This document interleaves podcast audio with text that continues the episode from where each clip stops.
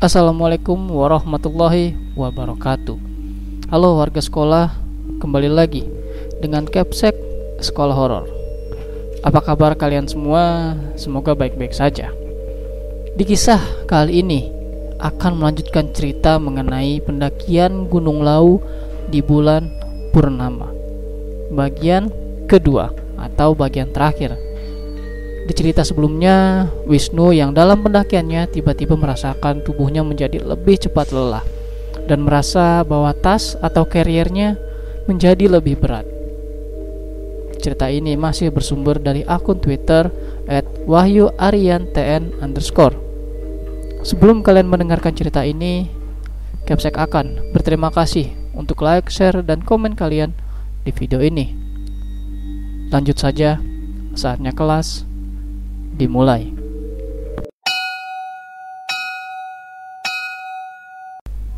Tapi anggapannya salah. Ternyata cahaya itu berasal dari bulan yang bercahaya sangat terang. Benar saja, ternyata malam ini adalah bulan purnama. Bahkan berjalan tanpa menggunakan headlamp pun masih bisa terlihat. Alhamdulillah, mulai dari sini badan saya sudah terasa enak dan lebih baik dari sebelumnya. Kurang lebih 40 menit berjalan. Anehnya, gantian Aksal yang badannya mudah lelah. Padahal jalur pendakian menuju pos 5 banyak bonus datarnya.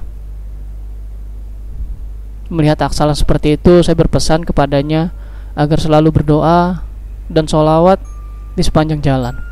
Kemudian saya dan Aksal tetap berjalan melanjutkan perjalanan. Suara angin kencang terdengar menemani perjalanan kami sebuah pertanda jika badai sedang terjadi. Untungnya jalur pendakian yang kami lalui masih di dalam hutan, jadi banyaknya pohon masih melindungi kami dari terpaan angin. Tampak dari kejauhan kelip-kelip lampu tenda. Tandanya di depan banyak pendaki bermalam di sana.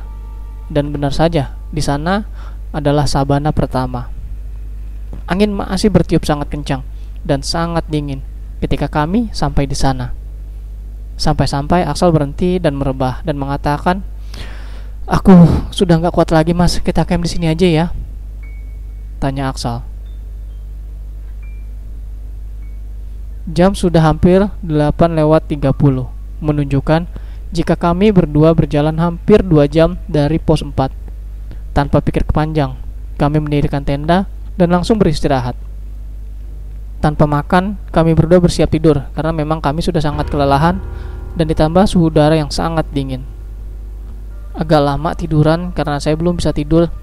Tiba-tiba, nafas saya sangat berat dan suhu tenda berubah menjadi hangat. Saya ingin membangunkan Aksal, tapi waktu saya lihat, dia sudah tertidur sangat pulas.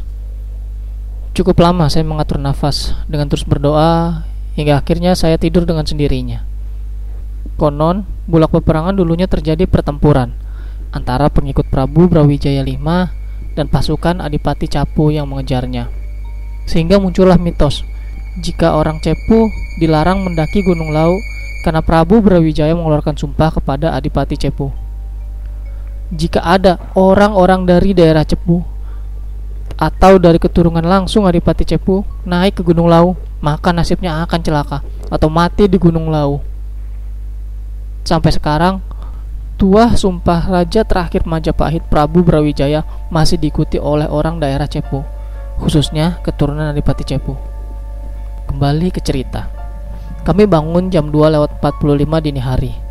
Karena rencana kami berdua akan summit ke puncak jam 3 lewat 30 pagi. Kami berdua masak mie instan dan menyeduh susu hangat untuk nutrisi tubuh kami sebelum summit sebentar lagi. Setelah makan dan packing, kami mulai pendakian kembali dengan posisi saya sudah berada di depan, sedangkan Axel di belakang. Udara pagi itu sangat dingin sekali. Saya perkirakan suhu saat itu kurang lebih 5 derajat Celcius. Kurang lebih satu jam perjalanan kami tiba di Gupakan Menjangan, dan di sana sangat banyak pendaki yang memang sudah bermalam di sana. Tanpa istirahat, kami berdua tetap berjalan. 15 menit berjalan dari Gupakan Menjangan, kami tiba di sabana lagi yang sangat luas. Tiba-tiba, Aksan mendengar suara langkah kaki yang sangat jelas di belakangnya. Saat dia menoleh ke belakang, Tidak siapa-siapa di sana. Berjalan lagi dan terdengar lagi. Menoleh lagi dan tetap tidak ada apa-apa. Dan kejadian itu berlangsung cukup lama. Hingga Axel sempat mengira itu suara dari sepatu yang saya pakai. Tapi setelah diperhatikan, ternyata tidak. Axel kembali menoleh ke belakang dan tetap tidak ada apa-apa. Ayo mas, cepat. Di sini menakutkan. Ucap Aksal. Ada apa Sal? Tanyaku karena saat itu saya masih belum tahu apa yang sedang terjadi. Enggak apa-apa mas, nanti aja di bawah aku cerita. Jawab Aksal. Langkah kaki pun kami percepat, hingga tanpa disengaja saat saya menoleh sebelah kanan ke arah depan, terlihat Samar-samar ada sosok berwarna hitam. Dari kejauhan seperti seorang bapak-bapak setengah tua. Sontak saya kaget dan bertanya dalam hati, apalagi itu? Saya menoleh lagi dan masih ada. Saya beristighfar berkali-kali dan tetap membaca doa. Hingga saya pun selalu menunduk di sepanjang jalan. Cahaya headlamp selalu saya arahkan ke bawah. Sialnya jalur pendakian melewati tak jauh di depan sosok hitam itu. Hingga akhirnya langkah saya tiba di depan sosok itu. Jaraknya tidak jauh dan tidak dekat juga. Saya nggak berani melihatnya dan pandangan saya tetap ke bawah. Refleks saat itu saya mengucapkan salam sangat pelan. Assalamualaikum. Saya izin lewat. Saya dan teman saya tidak mengganggu. Kita hanya ingin mendaki di sini. Saya tetap bersolawat dan berdoa. Dan terus berjalan dengan Aksal yang tetap di belakang saya. Entah dia melihat atau tidak kejadian barusan. Setelah melewati sosok itu, saya mempercepat langkah dan alhamdulillah tidak terjadi hal apa-apa. Jam menunjukkan pukul 4 lewat 30. Tapi kami belum juga tiba di pasar Dieng. Padahal target kami berdua ingin sholat subuh di Hargo Dalam. Ah, sudahlah. Kami berdua tetap berjalan. Hingga akhirnya kami tiba di pasar Dieng. Bagi yang belum tahu, Pasar Dieng adalah pasar setannya Gunung Lau. Di sana banyak sekali batu berserakan dan pendaki dilarang mengambil dan mengubah bentuk atau letak batu di sana. Langit sudah mulai berubah warna kemerah-merahan, menandakan pagi akan segera tiba. Saya melihat jam. Sudah menunjukkan pukul 4 lewat 50 pagi. Sementara kami berdua belum melaksanakan sholat subuh dalam hati saya berpikir, setelah apa yang terjadi, jika kami sholat di pasar Dieng, apakah aman dari yang menunggu di sini? Dengan memantapkan hati, kami berdua berhenti tepat di dalam pasar Dieng dan sholat subuh di sana. Alhamdulillah tidak terjadi apa-apa. Tapi sangat terasa, hawa di kawasan pasar Dieng sangat berbeda dari kawasan yang lainnya.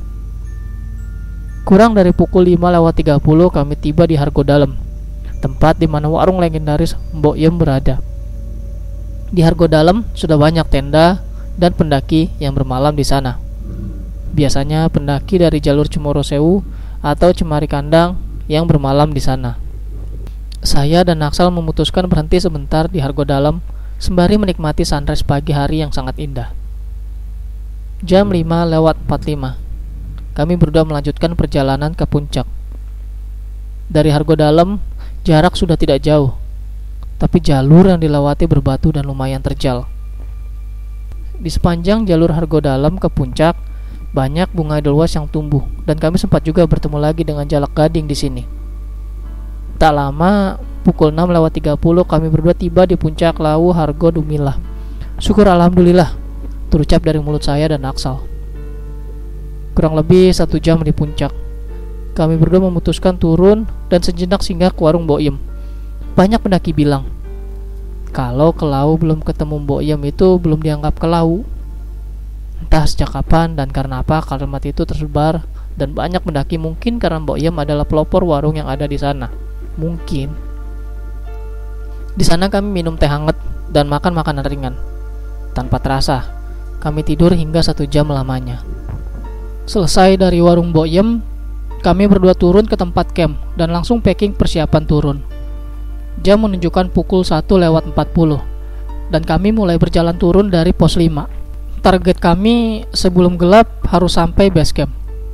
Singkat cerita, tepat azan maghrib, kami tiba di base camp tanpa menemui kejanggalan-kejanggalan lagi. Setiba di base camp, kami istirahat, bersih-bersih, dan makan malam sebelum pulang ke Semarang lagi. Kurang lebih pukul 9 malam, kami pulang dari base camp. Sebelum pulang, Axel sempat ngobrol dengan bapak-bapak pemilik base camp.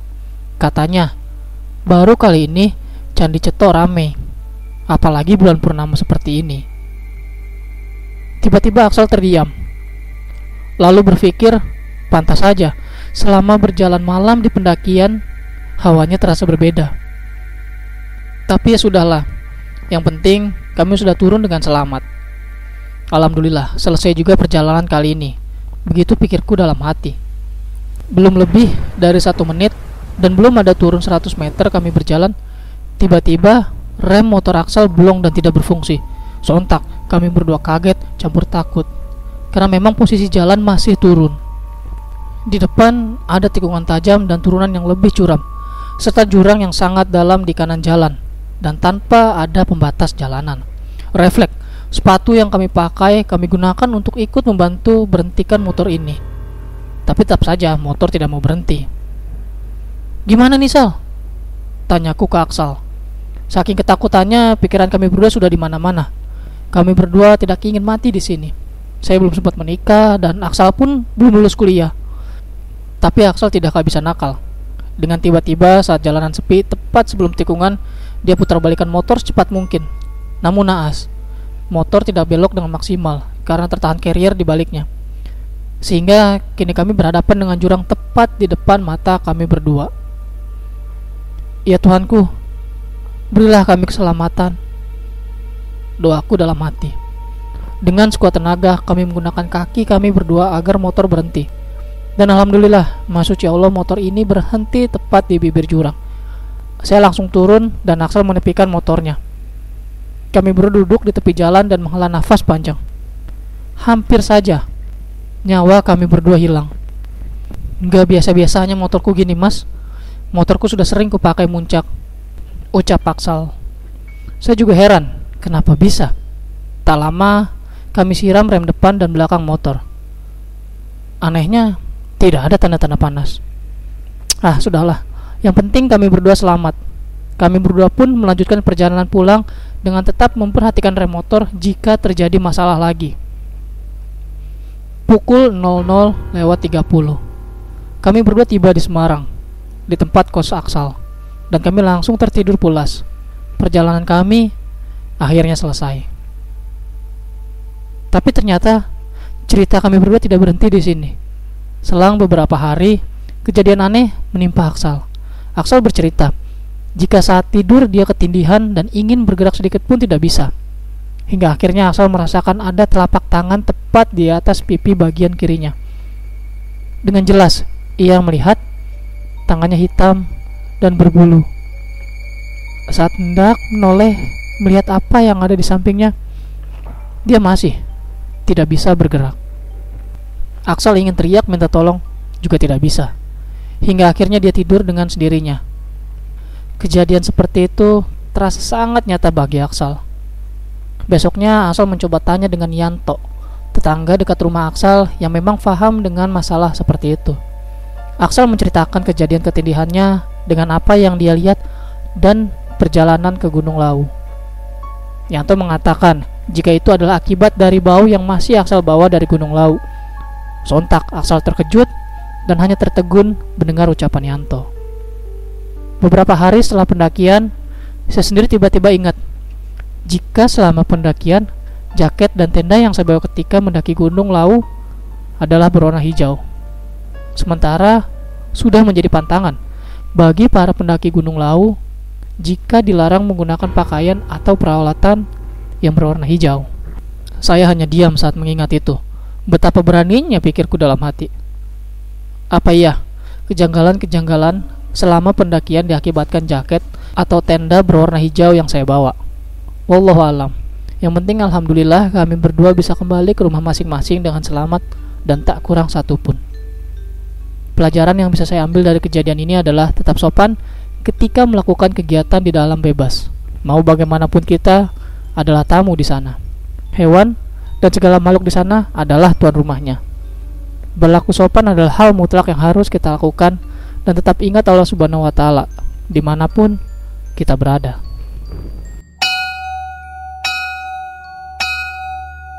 Dan itu dia cerita mengenai pendakian Gunung Lawu di bulan purnama. Nah, jadi Wisnu menduga nih, jika kejadian aneh yang dialaminya adalah dikarenakan oleh jaket yang dipakainya berwarna hijau. Kalau menurut kalian hal-hal seperti itu memang benar adanya atau hanya kebetulan belaka? Kembali lagi ya, itu adalah hak masing-masing individu untuk mempercayai sesuatu sesuai dengan keyakinannya masing-masing. Terima kasih buat kalian warga sekolah yang telah mendengarkan cerita ini dan terima kasih juga kepada akun Twitter @wahyuaryantn underscore yang telah memberikan kami izin untuk membacakan cerita ini. Jangan lupa like dan share video ini agar warga sekolah horor semakin bertambah. Dan sampai jumpa di kelas berikutnya. Assalamualaikum warahmatullahi wabarakatuh.